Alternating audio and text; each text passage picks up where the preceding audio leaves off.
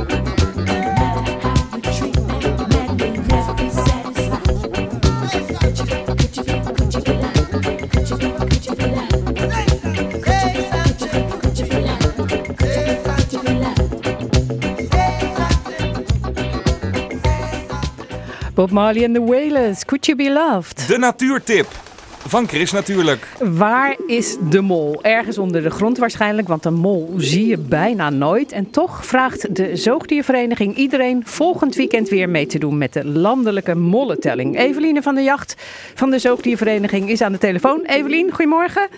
Goedemorgen. Als je op internet een mol googelt, dan zie je altijd eh, als eerste dingen als hoe kom ik van mollen af, hoe krijg je ze weg. Snap jij dat? Eh, ik snap het. Ik vind het alleen jammer dat dat elke keer als eerste zoekresultaat eh, verschijnt. Eh, maar gelukkig staat het internet tegenwoordig vol met tips, waaronder ook heel veel diervriendelijke manieren.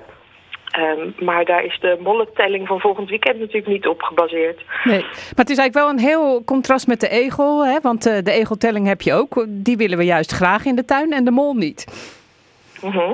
Ja, Ja, dat zal vast ook met de, de strakke gazonnetjes te maken hebben waar men graag eh, op uitkijkt.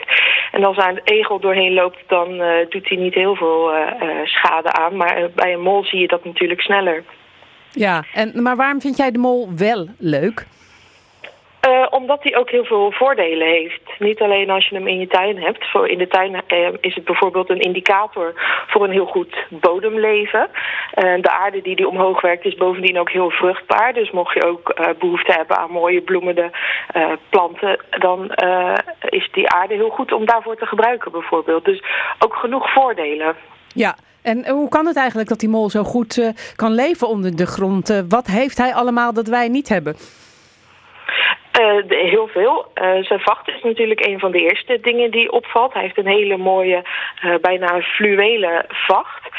die bovendien ook heel, heel dicht is en water en stofafstotend, zeg maar. Waardoor hij dus ook zo goed onder de grond kan leven. Maar bovendien heeft hij ook allerlei zintuigen die daar veel beter op zijn, zijn afgestemd. Zo heeft hij hele kleine oogjes. Hij is niet blind in tegenstelling tot wat, wat er vaak gezegd wordt over de mol. Hij kan nog wel eh, bijvoorbeeld licht-donker verschillen zien. Slecht Eh, zien, maar- zouden we zeggen. Ja, ja, maar hij is vooral heel gevoelig. Dus hij heeft een heel gevoelig eh, snuitje, wat bijna een soort slurfje is. Waarmee hij dus eh, door de gangen kruipt en heel snel in de gaten heeft wanneer er ergens voedsel te vinden valt. En daar gelijk op af kan. Ja, en voedsel, dat, dat zijn dan bijvoorbeeld slakken, eet hij, en regenwormen. Wat nog meer? Ja, regen, ja regenwormen die, die staan wel bovenaan het, eh, het menu, zeg maar. Maar eigenlijk alles wat, eh, wat hij in de gangen tegenkomt. de Larven, insecten, spinnen, slakken ook inderdaad.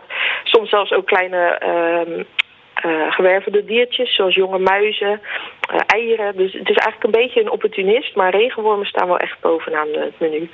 Ja, en eh, het dier komt wat minder in het centrum van de stad eh, voor. Bijvoorbeeld in, in Rotterdam in het centrum zie je hem niet zo vaak. Ja. Hoe zou dat komen? Ehm, ja, logisch eigenlijk. Als er gewoon geen manier is voor de mol om eh, bepaalde gebieden te bereiken, dan, dan komt hij daar ook niet voor. Dus eh, als er bijvoorbeeld stadsparken in verbinding staan met groenstroken, dan zal je ze daar eh, kunnen zien. Ik zag dat ook al even in de, in de tellingen van vorig jaar in de resultaten voor regio Rijnmond. Dan zie je dat ook. Hè. De stadsparken, dat zijn wel echt een beetje de, de hotspots. Eh, maar verder zie je ook gewoon genoeg losse waarnemingen die daar aan- weer aan verbonden zijn. Dus die, die verbinding, wat voor zoveel diersoorten belangrijk is, is dus ook voor de mol belangrijk. Ja, en eh, die mollen zelf, die zie je dus niet zo vaak. Hè? En daarom vraagt de Zoogdiervereniging eh, om volgend weekend dan vooral de sporen van een mol te tellen. En in, in de praktijk zijn dat dan vaak molshopen. Maar stel, je ziet drie molshoopjes achter elkaar. Hoeveel mollen moet je dan tellen? Ja, dat, dat is dan waarschijnlijk één mol geweest. Eh, hoeveel eh, mollen er precies zijn, dat is lastig te zeggen inderdaad, omdat je ze ook weinig ziet. Eh, maar het territorium van een, van een mol is, is heel groot. Dus als je in- inderdaad voor een veld staat met meerdere molshopen, dan mag je ervan uitgaan dat dat één mol geweest is die daarvoor verantwoordelijk is. En mocht je dat willen invoeren, dan maak je gewoon een schatting van het aantal molshopen op zo'n veld en dan voer je dat in bij, eh, bij aantal. Ja, en dan nog eventjes, waarom maakt een mol eigenlijk die molshopen? Eh, hij leeft natuurlijk in de, in de gangen onder, eh, onder de grond. En de aarde die hij daarmee achter zich uitschept, die, die vormen de molshopen. Ja, en waarom doen jullie die mollentelling in februari? Is daar een reden voor? Ja, daar is een reden voor. Eh, februari is de tijd dat de mannetjesmollen op zoek gaan naar de vrouwtjes. En dan willen ze een zo groot mogelijk gebied binnen een zo kort mogelijke tijd kunnen, kunnen overzien. En dan eh, graven ze dus hun gangen heel dicht aan de oppervlakte. Waardoor er dus ook meer molshopen eh, tevoorschijn komen en je ze dus eigenlijk sneller ziet. Ja, en waarom zou je meedoen aan de telling? Ehm, het is, het, de mol blijft een, een beetje een mysterieus beestje. En een molshoop heeft iedereen denk ik wel eens gezien, maar misschien verder ook nooit over nagedacht.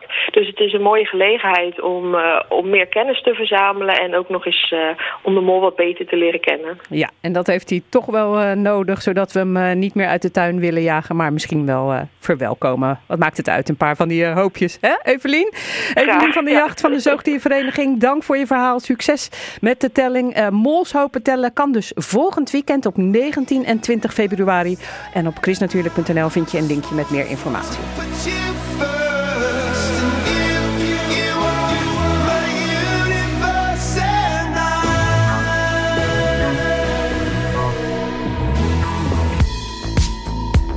In the night I lie and look up at you. When the morning comes, I watch you rise. There's a paradise they couldn't capture. That bright infinity inside your eyes. 매일 밤 내게 날아가 꿈이란 것도 잊은 채나 웃으며 너를 만나 Never ending forever, baby.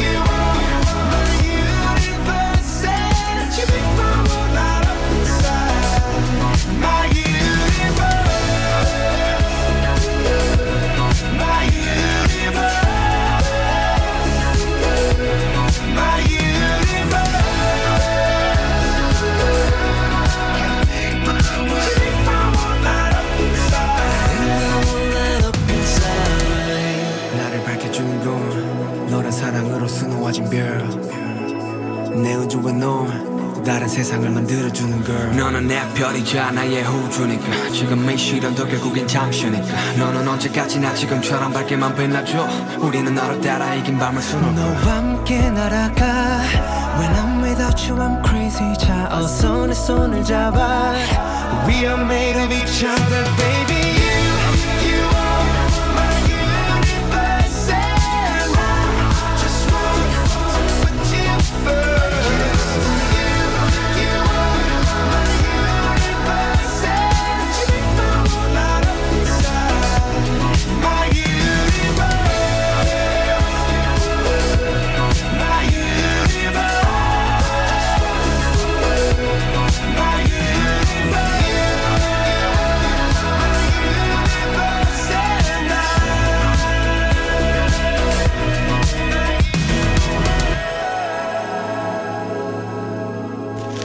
Chris natuurlijk.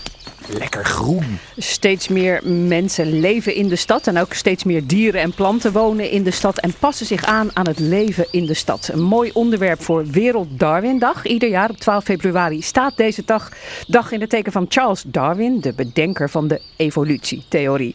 Met Menno Schildhuizen gaan we in Rotterdam op zoek naar sporen van evolutie in de stad. Maar eerst vragen we aan de evolutiebioloog hoe hij Darwindag viert. Ik vier hem eh, gewoon met, eh, met, met rondwandelen. Dat, Ja, een wandeling door de stad. Wat gaan we doen? we gaan eh, een, een, een wandeling maken in het centrum van Rotterdam en ehm, kijken naar wilde dieren en planten die in de stad leven en die eh, al dan niet speciale aanpassingen hebben aan het leven in zo'n eh, stedelijke omgeving. Dan nog eventjes over Darwin zelf. Wat was het ook alweer, de evolutietheorie? Darwin eh, is samen met Alfred Russel Wallace ongeveer tegelijkertijd de ontdekker geweest van het proces van natuurlijke selectie. Dus dat er eh, variatie is in erfelijke eigenschappen en dat die erfelijke eigenschappen iets zeggen over hoe goed je kunt overleven of nakomelingen kunt krijgen in een bepaalde omgeving. En de individuen met de beste erfelijke eigenschappen die overleven beter, geven meer nakomelingen en daardoor verandert de hele soort op den duur. En dat noemen we evolutie. Hij werd bijvoorbeeld geïnspireerd door die vinken op de Galapagos-eilanden. Toen zag hij dat die anders waren dan op het eh, vasteland. Hoe is dat in de stad? Is er een, een dier in de stad dat ook zoiets heeft? Ik vind zelf de stadsduif eigenlijk het beste, het beste voorbeeld. Ja, stadsduiven zijn natuurlijk stadsvogels bij uitstek. Maar hebben toch ook veel last van die stadsomgeving. Onder andere van zware metalen die in, de, in het water zitten. Bijvoorbeeld zink, dat bladdert van eh, straatlantaarns af, komt in het water terecht, is giftig. En het blijkt dat de donkerste duiven, de duif met de donkerste veren, dat die beter in staat zijn om om te gaan met dat zink dat ze in hun drinkwater naar binnen krijgen. Doordat dat zink zich bindt aan het zwarte pigment in de veren. En dan hebben ze dus geen last van in hun, eh, in hun lichaam. Dus de donkerste duiven in de stad, die zijn het beste aangepast aan het stadsleven. Het is trouwens een voorbeeld uit je boek, je bekroonde boek Darwin in de stad. En naar aanleiding eigenlijk van dat boek gaan we ook een beetje door de stad lopen. We, zijn, we hebben afgesproken bij het nieuwe instituut voor een eh, urbane stadsnatuurwandeling.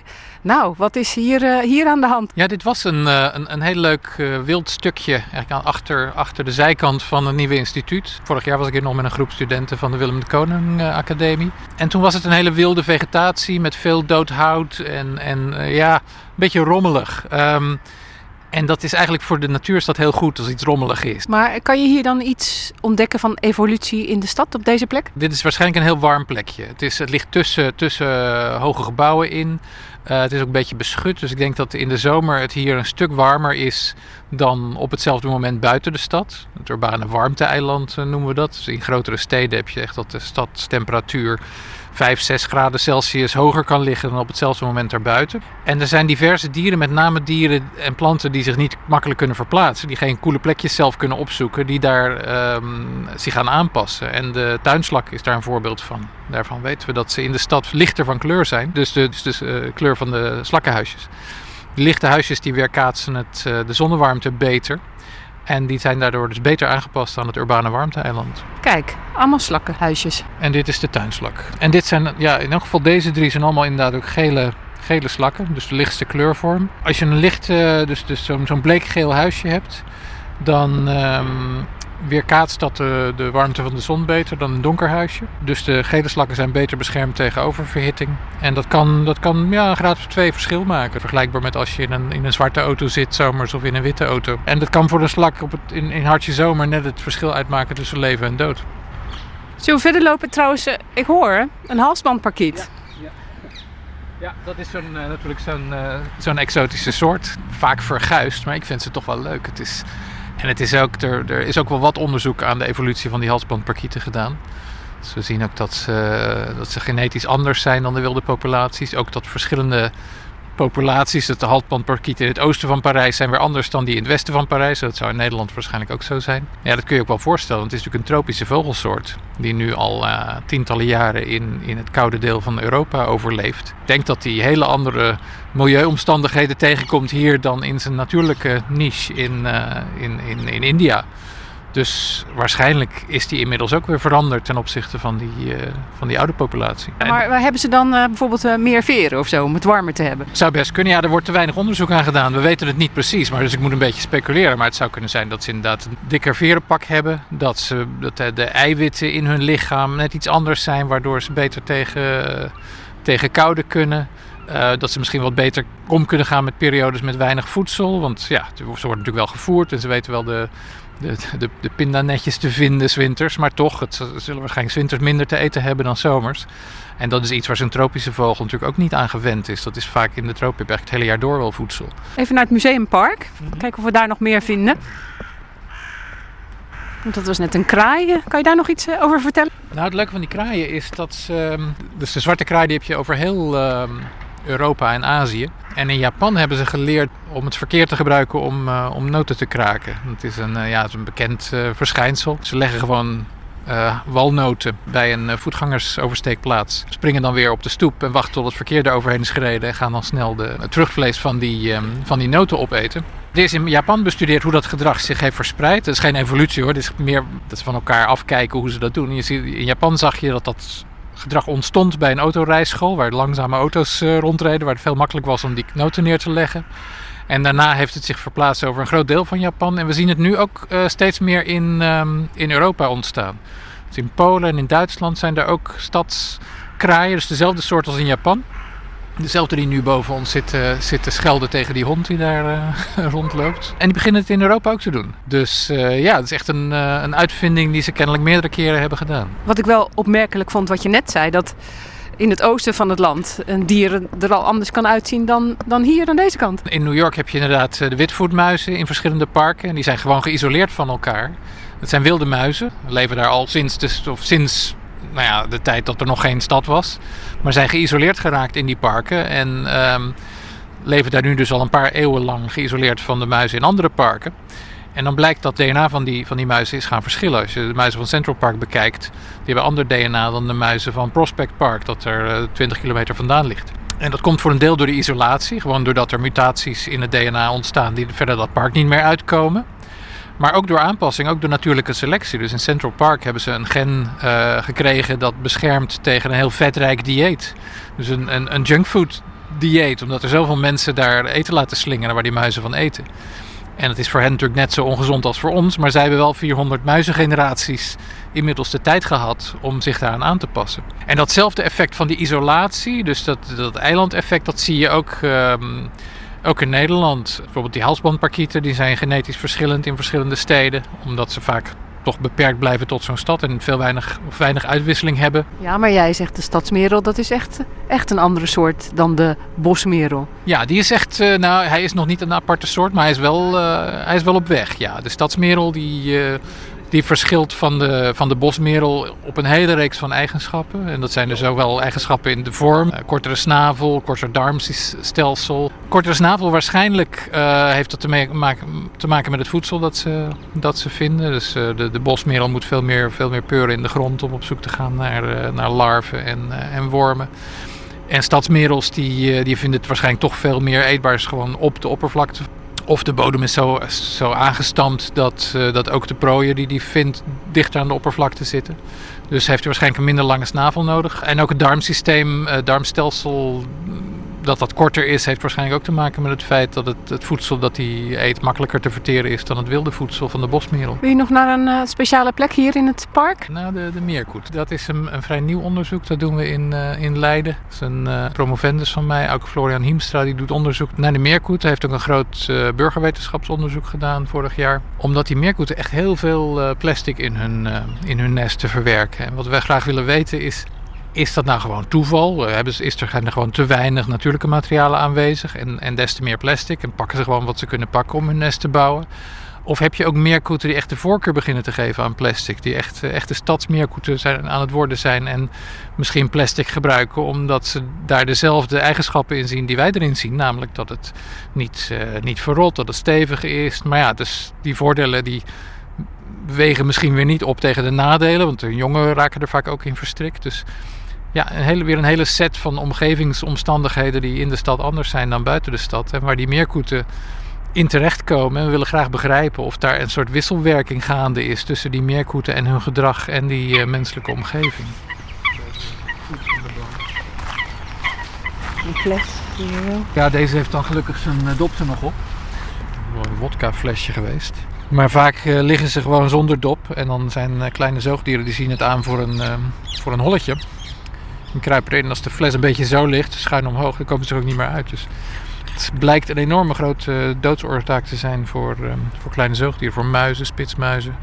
Het gaat, echt om miljoenen, miljoenen dieren per jaar. Dat wordt een evolutionaire val genoemd. Dus een, een, iets wat door de mens veroorzaakt is. En dat lijkt op een, een eigenschap van het milieu waar een dier of plant normaal gesproken goed aan aangepast is. Dus met die, eh, met die flessen ja, gaat het om gaatjes in de grond. Ehm, Zo'n zo'n donker gaatje, dat ziet zo'n muis en die denkt van, nou dat kan een goed holletje zijn om te gaan verkennen.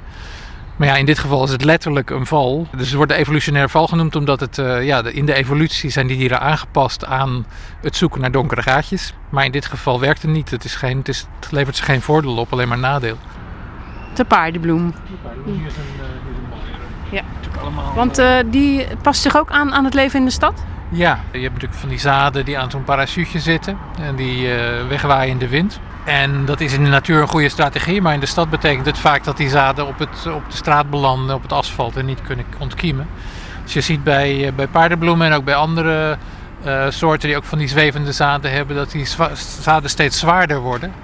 zodat ze dichter bij de ouderplant landen en dus meer kans hebben om te ontkiemen op het stukje grond waar de ouderplant ook staat. Want op de, op de straat ontkiemen, 10 meter verderop of 20 meter verderop, wat in de natuur natuurlijk wel goed is, eh, werkt in de stad niet. Nou Menno, wij zijn weer eh, terug bij waar we begonnen en hebben een heleboel gezien. Dat kan je natuurlijk eh, zelf ook doen hè? Je kunt zelf ook zo'n wandeling gaan maken. Ja, ja, als je weet waar je naar moet kijken, dan is er van alles te zien en van alles te ontdekken in je stadsomgeving. Ja, en dat hoop jij toch een beetje ook dat mensen dat doen. Ook naar aanleiding van je boek. Naar aanleiding van mijn boek. En ik ben ook bezig met een nieuw boek. Dat heet in het Engels How to be an Urban Naturalist. Dus voor de echte bedoeling om de stad te gebruiken als je je eigen veldgebied, je eigen onderzoeksgebied als, als amateur natuurliefhebber. Oké, nou tegen die tijd komen we weer bij je terug. Heel graag. Evolutiebioloog Menno Schildhuizen met een eh, stadsmerel op de achtergrond. Chris Natuurlijk. De weekendbijlage. Wat staat er in de weekendkranten over groen, natuur en milieu? Je hoort het in het overzicht dat ik vandaag samen lees met Martin van der Boogaard. Martin, een hele goede morgen. Jij gaat beginnen. Morgen, Chris. Ja, we gaan eh, eerst naar Limboland. Want eh, alle kranten die schrijven over die ene boom in het Sterrenbos... die niet mag worden gekapt omdat er een broedende bosuil in zit. Het bos op het eh, privéterrein van autofabrikant VDL Netcar bij Borren... moet weg voor een nieuwe fabriekshal. De boom die aan de rand van het bos staat blijft nu staan... net als andere bomen binnen een straal van 75 meter rond die ene boom met die bosuil. De hoogte in met die uien, tomaten en wortels. Verticale landbouw is het telen van de toekomst, schrijft het AD in de weekendbijlage. Ook in de stad kun je gewassen in meerdere lagen boven elkaar telen, bijvoorbeeld in fabriekshallen. Het voordeel is dat je zuiniger bent met ruimte en water. En in de Volkskrant een interview met de hoogste baas van Friesland Campina. De zuivelcoöperatie draagt eh, flink bij aan het klimaatprobleem. En milieuclubs die eisen daarom verduurzaming. En er komt mogelijk een forse inkrimping van de veestapel. Maar de hoogste baas Hein Schumacher zegt dat hij voor oplossingen staat en niet voor afbreken. De krokodil die jaren met een autoband om zijn nek heeft rondgezwommen in Indonesië. Daarover schrijft Jelle Reumer vandaag in zijn dierencolumn in Trouw. Gelukkig zwemt hij nu weer vrij rond, maar als, de, als dode krokodil had hij goed gepast in het Natuurhistorisch Museum Rotterdam tussen de De mondkapmeeuw en de domino-mus. Het gaat in al deze gevallen om een dier dat op de een of andere manier te lijden had van de mens. Ja, en ik weet niet hoe jij erover denkt, eh, Chris, maar ja, niets is zo lekker als verse laurier in de erwtensoep. Dat eh, schrijft tuingoeroe Romke van der K in zijn eh, weekendcolumn in het AD. Vers blad heeft meer aroma dan gedroogd blad dat al zijn kleur al verloren heeft, omdat het al een half jaar in de supermarkt ligt te wachten op een koper. Maar ik heb boven op een dakterras een laurierboompje. En er komt geen blaadje aan. Jazeker, maar Oh. als ik die gebruik, dan vind ik dat altijd een beetje bitter. Dus ik ga Ja, eigenlijk klopt, het liever voor de, ja, voor, de, voor, Ja. de, voor de lekkere gedroogde blaadjes. Ja. Toch beter volgens mij hoor. Martin van der Boog, was dat met het groene nieuws uit de weekendkranten en bruine laurierblaadjes. Gaan we door met Ed Aldus met het weer. Maar Ed, goedemorgen. Goedemorgen, Chris. Het is echt wel weer voor erwtensoep, vind ik. Want het is ineens Zeker. een stuk frisser. Ja, inderdaad. En dan zitten we nog, eh, ja, zeg maar, tussen haakjes aan de zachte kant van het land. Want eh, de temperatuur zakte op Rotterdam Airport naar min 0,9 graden aan het begin van de nacht. Maar gaandeweg de nacht kwam er ook wat meer wind te staan. En liep die temperatuur alweer op tot boven het vriespunt. Daarentegen in, in het Twentse land, in het oosten, was het bijna min 5 vanochtend. Dus daar is het echt winters weer. Ik zag zelfs her en der alweer ijsvorming. Nou ja, mag ook wel eens een keer gebeuren natuurlijk. En ja, we krijgen een geweldig weekend, eh, Chris. Want een storing blijft nog op afstand. Dus dat betekent voor vandaag dat mooi weer is. Het is zonnig weer. Met alleen wat sluierbewolking. Het blijft ook overal droog. Nou, de maximumtemperatuur komt uiteindelijk uit op een graad of 7. Wel neemt de wind toe uit het zuiden tot matig, windkracht 3 of 4. Aan zee tot vrij krachtig, windkracht 5. Dus ja, door het aantrekken van de wind zal het allemaal wel wat eh frisser aanvoelen vanmiddag. Nou ja, vanavond en vannacht nog steeds opklaringen met sluierbewolking, droog. Die temperatuur daalt in het oosten van de regio tot net iets boven nul. Het gaat niet vriezen en dat komt omdat de wind toch wel flink doorstaat. Windkracht 4 en aan zee krachtig windkracht 5 of 6 uit het zuiden. En ook morgen profiteren we nog steeds van een hoge drukgebied. En het zorgt voor mooi weer met eh, ja, zonnige perioden. In de loop van de dag wel steeds meer sluierbewolking. Uiteindelijk trouwens ja, zal de dag wel bewolkt eindigen met morgenavond. Later op de avond van het westen uit wat regen. Maar in het oosten van de regio blijft het gewoon overal droog. De temperatuur komt morgenmiddag uit op een graad of 9. Maar ja, de aangevoerde lucht wordt steeds zachter. Morgenavond wordt het zelfs 11 graden. En er staat morgen best wel wat wind. Vooral morgenavond waait er een krachtige zuidenwind in de regio. Oké, en dan de eerste dagen van de nieuwe werkweek, waar we nog niet aan willen denken eigenlijk. Nee, nou ja, op 14 eh, februari, op Valentijnsdag, hebben we te maken met een wisselende bewolking. Af en toe breekt de zon door achter een storing. Valt ook verspreid nog wel een bui. Wordt een graad of 9, stevige zuidwestenwind. En tussen dinsdagmiddag en woensdagavond zijn de perioden met regen in het Rijnmondgebied. Ja, en wat opvalt is de temperatuur. Woensdag kan het wel 13 graden worden bij een stevige zuidwestenwind. En dit weerbeeld, die afwisseling van droge perioden met soms best wel aardig weer. Ja, en dan weer wisselvallig weer met regen of een bui. En soms veel wind. Ach, dat blijft nog tot in lengte van dagen blijft dat aanhouden. Nou, het eh, is het verschil tussen een warme jas en een minder warme jas. Ed, ik vind het hartstikke jammer dat ik niet naar je toe kan. Flauw, hè? Maar jij Ja. gaat eh, vanmiddag een toekan fotograferen. Ja, klopt, ja. Waar? Want die vind je toch niet in het wild? nee, zeker niet. Nee, nee, zeker niet. In het midden van het land. En eh, ja, daar ga ik inderdaad een toe kan fotograferen. Ja, want eh, hij ziet er heel erg mooi uit. En eh, ja, er staat natuurlijk voor volgend jaar wel weer iets eh, op stapel van een nieuwe kalender. Dus hij zal waarschijnlijk wordt het een foto voor in de kalender. Ja, nou, jouw kennende zal het weer prachtige plaatjes Ja. opleveren. Ik wens je heel veel plezier en een eh, heel fijn weekend. Ja, dankjewel, Dag. Chris. Hoi. Groetjes. Hoi. Luisteren allemaal naar Chris. Kom daar toch. Chris, natuurlijk.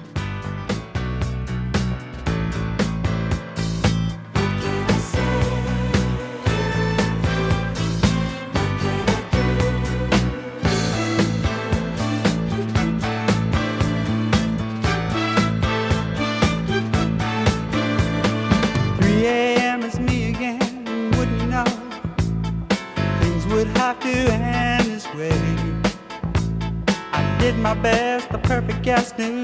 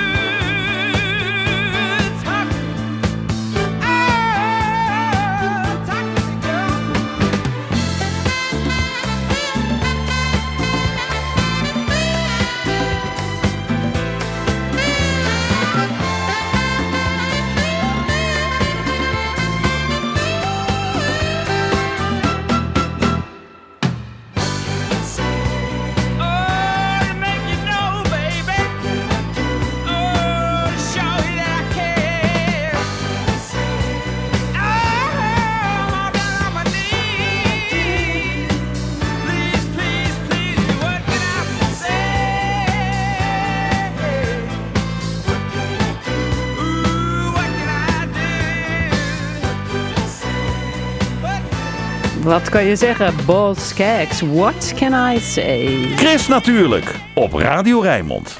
Wel eens gehoord van de eikelmuis? Waarschijnlijk niet. Om de eikelmuis wat meer bekendheid te geven, is dit ernstig bedreigde beestje uitgeroepen tot zoogdier van het jaar. Met Marijn van der Hogehof, zoogdierkenner uit de Hoekse Waard, spreekt Chris natuurlijk over deze eikelmuis.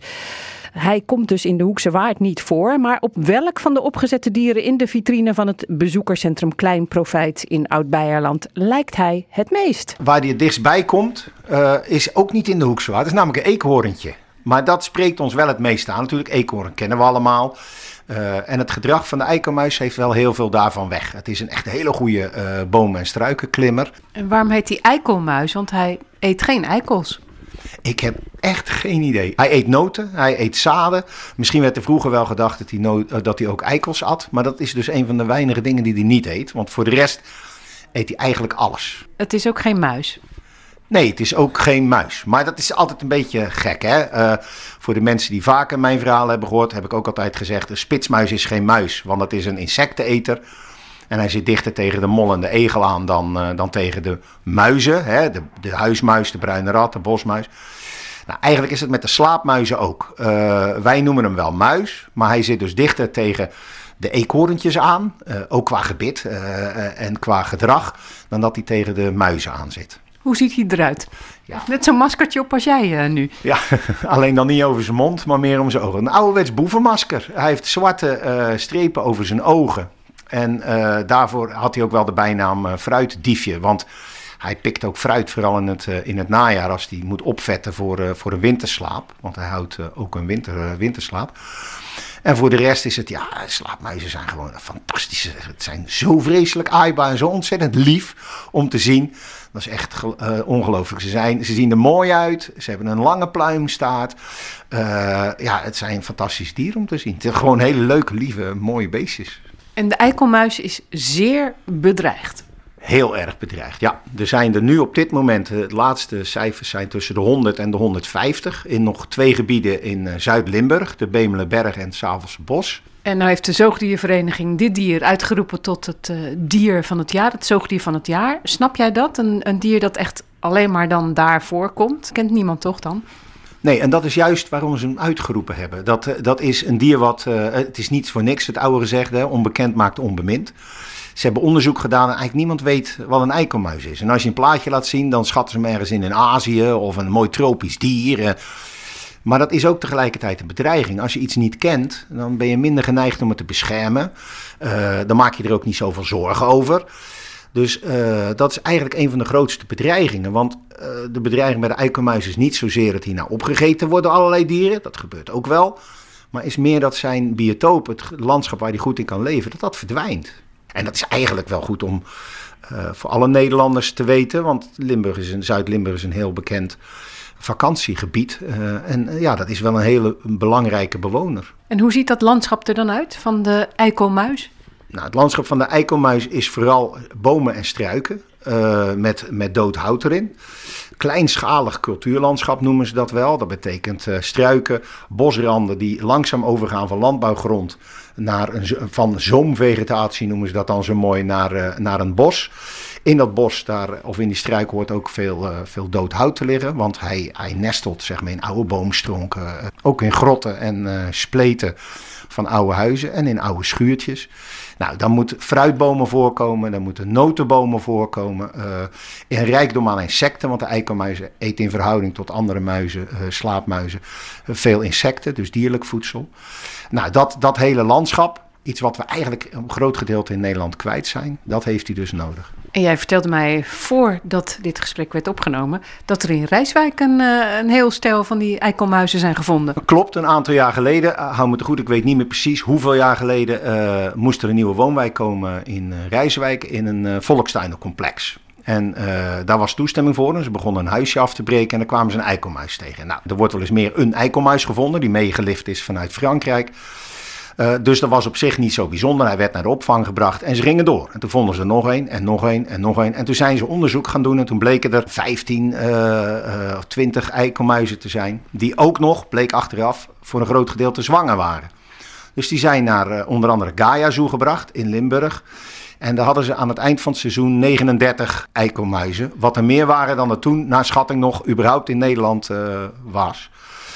Nou, ja, daar zijn ze een fokprogramma mee begonnen, omdat onze eikelmuis, hè, de, de oorspronkelijk Nederlandse eikelmuis, wel heel bedreigd was. En ze hebben ervoor gekozen om die bij de Bemelenberg, niet zo heel ver van het andere gebied, uit te zetten. En te kijken of ze het daar vol zouden houden. Nou, die doen het gelukkig heel goed. En er wordt dus nu gewerkt om die twee populaties toch aan elkaar te verbinden. Jij zei net, het hoort bij de slaapmuizen, dus eh, Ze slapen? Ja, ze slapen veel. Ze houden een winterslaap van oktober tot april. Heb jij wel eens een echte eikelmuis gezien? Ik heb wel eens een echte eikelmuis gezien. Ik was toen in Limburg en ze willen ook nog wel eens in eh, vogelhuisjes eh, overnachten. En eh, toen wij door het bos liepen daar, toen schoot er één eh, aan ons voorbij. Maar dat was echt eh, in een razend tempo. Dus ik heb hem heel snel gezien en de rest is alleen maar eh, van foto's. Het lijkt een beetje op een scheldwoord, eikelmuis. Ja, hè? Dat, dat is ook zo. eh, maar eh, ja, dat, dat verdient hij eigenlijk niet. Want het is echt een geweldig, geweldig diertje om te zien. Zegt Marijn van de Hogehof over het zoogdier van het jaar. En voor mij is het een held.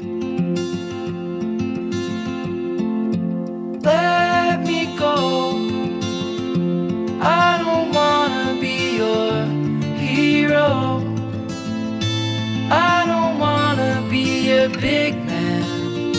I just wanna fight with everyone else. Your masquerade.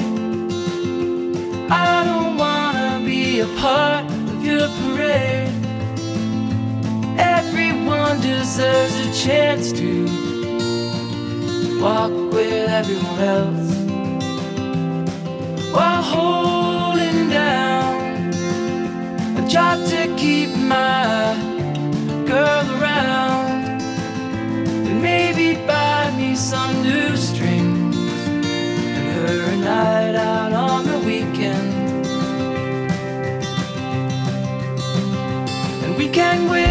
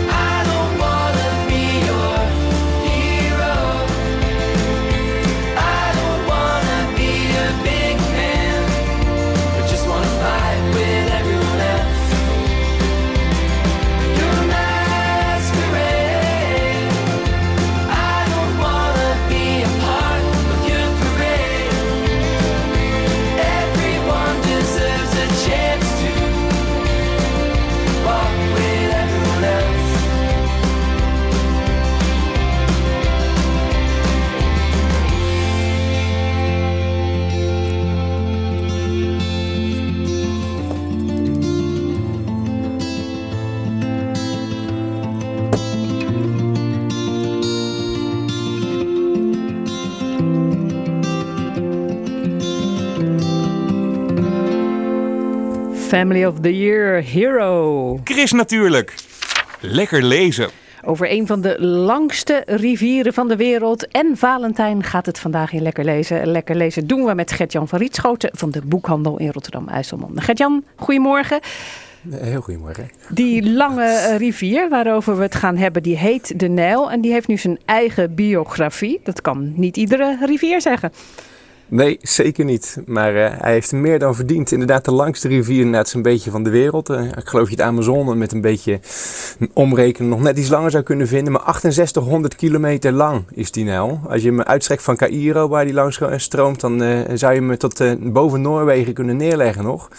Ehm, en, ja, behalve dat hij heel erg lang is, is hij natuurlijk ook enorm fascinerend. En dat is wat er in dit eh, dikke boek, het is een boek van eh, 848 gram, 544 pagina's. Er is zoveel over deze eh, rivier te schrijven.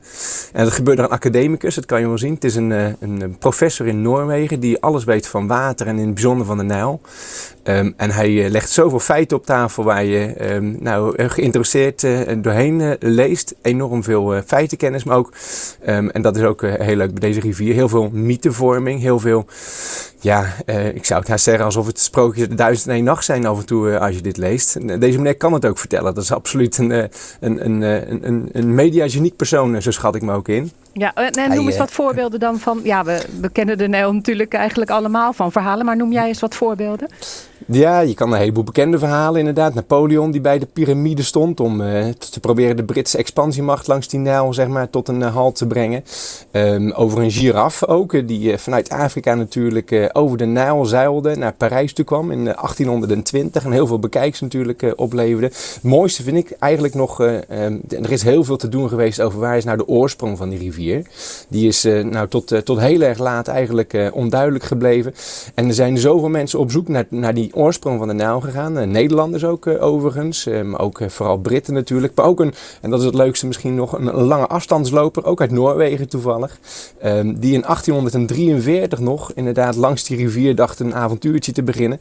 Hij is niet ver gekomen, hij stierf al, al snel. hij heeft die oorsprong van de Nijl zeker niet meegemaakt.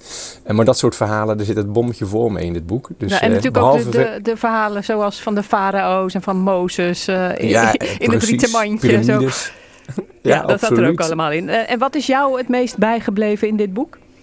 Ja, de, de- de- hoe heel die, die samenleving en van heel Afrika zo'n beetje rond die as van die rivier heen wentelt. Dus dingen als bijvoorbeeld het meten van de rivier, welke, welke hoogte ze hadden, had alles te maken met, met eh, eh, nou ja, ook bijvoorbeeld de belastingen die moesten worden geïnd. Heel die bestaan van, van de, Afrikanen, vooral van de Egyptenaren natuurlijk, het, het cirkelt allemaal rond die Nijl. Dus ik denk dat die biografie op zijn plaats is en het is goed dat die verschenen is. En, Ja, eh, en hij niet ligt om één keer uit, in één keer uit te lezen, maar gewoon af en toe een beetje bladeren. uit. Klopt, nee, klopt. Zo'n dikke pil. Ik krijg hem niet in één keer uit. En dan moet je wat toegankelijkere eh, boeken voor pakken eh, om in één keer uit te kunnen lezen. Daar eh, kom ik hier direct na. kom ik Ja, daarop. zeker. Een Nou ja, over de Nijl. maar daar heb je in ieder geval nog wat te goed. En dit boek heet dus De Nijl, biografie van een rivier van Terje Tvet. Het is een uitgave van de Wereldbibliotheek, kost in de winkel 29,99 euro. En dan opnieuw De Nijl, maar dan wat, wat simpeler, wat luchtiger. Want het toeval wil dat er weer een nieuwe verfilming is van het boek Moord op de Nijl van Agatha Christie. En dus ook een nieuwe uitgave van dit boek. Ja, ja, en die lees je dus wel in één keer uit, denk ik. Eh, want Moord op de Nijl, ja, dit verhaal is natuurlijk bekend. En eh, inderdaad, je kan hem eh, in twee uur, denk ik, in de bioscoop zien. En dan ben je in één keer klaar. Ehm, maar ik vind het toch wel intrigerend dat je, als je nou, geboren bent in, wat was het ook weer, 1890... Dat, je, eh, dat nog steeds je boeken dus worden gelezen en ook worden verfilmd. Ehm, ik vind het wel een eerbetoon aan eh, Agatha Christie. Ehm, Hercule Poirot, dat is eh, in, in deze uitgave dus ook weer de hoofdpersoon. Een van de kenmerkende karakters. Hè. We kennen Miss Marple natuurlijk uit andere boeken van Agatha Christie. Eh, maar Poirot is degene die op, op een cruise, ook weer een Brit natuurlijk. Hè. We hadden het net over die Britse kolonialis- kolonialisatie, wat een woord. Ja, precies. Eh, maar over Egypte natuurlijk. En ook ja, dat Britse cruiseschip dat, eh, dat vaart eh, over die Nijl. Eh, waarvan ze dachten dat het een, eh, nou, een soort van Valentijns honeymoon reis zou zijn. Ehm, wat uiteindelijk eh, dus eh, ja, on- eh, in een, een drama. Want de verloofde die komt te sterven. En wie zou het gedaan hebben natuurlijk. Ja, en da- daar gaat het natuurlijk heel vaak over in die boeken van Agatha Ja. Christie. Zo'n echte who done it. En, en de film, Kenneth Branagh, die heeft die film geregisseerd. Net als die vorige Murder on the Orient Express. Ook weer Ja, van. Agatha Christie. Dat was een hele succesvolle verfilming. Wat denk je van deze? Ja. Ja, nou, ik heb hem niet gezien en ik ben geen filmexpert. Eh, ik zou het leuk vinden om hem sowieso te zien en die sfeer van, eh, van de Nijl eventjes weer op te snuiven en de, de, de, de, de, de piramides te zien. Eh, ik ben geen eh, eh, review eh, van, van de film aan het geven, die heb maar ik niet gezien. Ik hoop dat hij net zoveel oplevert. De ja, van het boek en dat Ja. is zeer het leven waard. En staan er dan Ja, foto's zeker. in, in die filmeditie of van Moord op Nee hoor, nee hoor, alleen de voorkant is dan met een mooie omslag waar die aan, het, aan, het, aan de film doet denken. Maar voor de rest is gewoon de inhoud van het boek zoals die oorspronkelijk ook eh, was. En dan een modern Nederlands toegebracht natuurlijk. Maar dit is een, eh, een, eh, een, vooral, vooral een boek en ja, één foto erin. Agatha Christie, Moord op de Nijl, de filmeditie, uitgegeven bij The House of Books, kost 12,50 euro. En wie wint dit boek? Dat is de vraag. Maar als je belt met 010 436 4436, dan maak je kans. En eh, ja, je had het over wat eh, begon als een soort eh, romantisch huwelijksfeestje. Nou ja, goed, hopen dat het op Valentijnsdag, wat het maandag is, wat anders afloopt dan in Moord op de Nijl. maar geef eens een keer geen roos afgezaagd, maar een boek. Welk boek zou jij geven, Gertjan? een boek. Nou, er is maar één boek wat hier wat mij betreft genoemd kan worden dan op dit moment. Spiksplinternieuw. Het is een boek Jij bent alle liefde. Is geschreven door eh, een Belgische eh, meneer Zee, noemt hij zichzelf. En geïllustreerd ook door eh, Gitte. En Gitte van, van Quailly, denk ik dat je uitspreekt. Ehm, Ook een Vlaamse, denk ik, ja. Diet, Pracht- ja, Vlaamse- Vlaamse mensen. Of zoiets. Precies, ja, ja. Maar dit is een boek echt, dat is, dat is schitterend. Aan wie je het ook laat zien. ehm, in één oogopslag je er verliefd op. Ehm, en dat komt dus inderdaad ook door de prachtige prenten. Er is, eh, iedere pagina is een beeldvullende tekening. En af en toe wordt er eh, op die eh, tekeningen ook geschreven. En, en staat er dus ook tekst. Ehm, maar maar de, de schoonheid van die platen is, is, is ongelooflijk. Ehm, en eh, vanaf het begin af aan was dat duidelijk. Ook Rotterdammers moeten dit boek lezen wat mij betreft. Vanwege het feit dat het speelt zich allemaal af in eh, in een, in een moderne stad. Aan het begin althans. Je ziet eh, in de prenten de stad zich ontwikkelen. Ehm, het, is, het is wit van de sneeuw, maar voor de rest is het helemaal uitgestorven. De mensen die erin zitten, die zijn vooral bezig met zichzelf in hun, in hun huizen. Ehm, en en, geen natuur, geen, geen vreugde en ook geen liefde meer. Dat is uiteindelijk wat er in het boek dus ook staat. Vanwege het feit dat eigenlijk alle natuur uit die stad is verdreven. En er zijn er twee hoofdpersonen. En dan eh, komt het toch eh, weer goed, eh, zou je Dankzij denken. twee hele lieve kindjes. Ja, en met hele veelzeggende namen. Wil en hoop. Nou, als je die Nou. twee samenzet, dan komt het goed. Dat Jij is- bent alle is- Oh. liefde, meneer Zee en Giet van Quailly is uitgegeven door Over Amstel. Kost in de winkel 19,99 euro. En dan heb je nog heel kort tijd voor een, een echte roman voor Valentijnsdag. Ja, dat ja. gaat over een verboden liefde. Precies, we hadden net een boekje, was een sprookje, maar een volmaakte eenheid. Dat is het boek van Temje Huff. Eh, dat is waar gebeurd. En dat eh, is wel heel bijzonder. Die dame, die Temje Huff, dat is een, eh, een nakomeling van een, een, een boek wat nou hier dus heeft, zijn oorsprong vindt. Een, een Ierse vluchteling vanuit de Potato Famine vlucht naar Amerika en wordt daar verliefd op een meisje wat hij daar tegenkomt. gekleurd en tot slaaf gemaakt en een onmogelijke liefde. Maar die, die liefde die, die, die ontbloeit tegen alle ehm, nou ja, Conventies in van die in. tijd. Ja. Precies, ze worden vervolgd en, en, en het wordt ze onmogelijk gemaakt om elkaar tegen te komen. En ja, vooral valt mij dan ook op als je het boek ook zo leest. Het lijkt wel, het, het, is, het is gewoon immoreel zoals inderdaad er wordt gekeken naar die liefde van deze twee mensen. Maar het is het mooiste wat je mee kan maken, want ze vinden elkaar dus. En ehm, ja, uiteindelijk is eh, de, de schrijfster van het boek dus ook eh, een van de nakomelingen. Ze ja, dus het is gewoon naar... waar gebeurd. Een beetje geromantiseerd ja. dan misschien. Ja. Nou ja, dat Ja, lijkt me prachtig. Prachtig. Een volmaakte eenheid. Temmier Huff, zei jij, ja? Ja, Een uitgave van signatuur kost in de winkel 22 euro en 99 cent. En eh, ja, we, we hadden ook nog een andere leuk boek, een omkeerboek over een egel en een schildpad. Eh, Knuffel heet dat boeken. boek. En eh, nou ja, waarom is dat nog zo leuk om eventjes te noemen?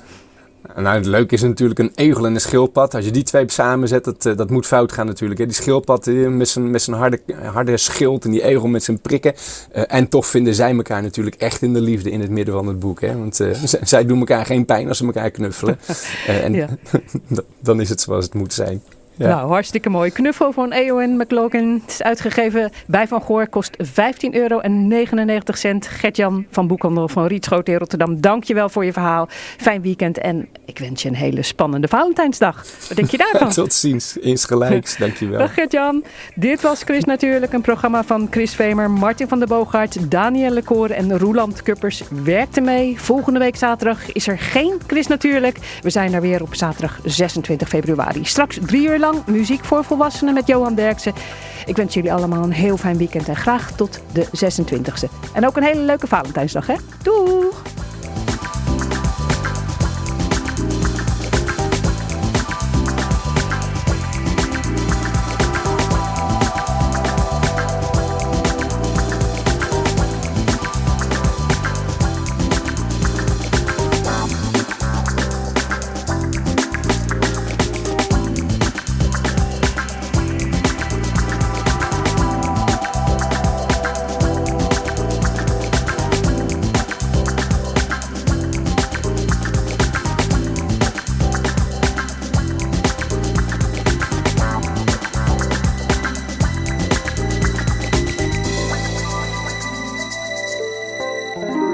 Natuurlijk. Kijk ook op chrisnatuurlijk.nl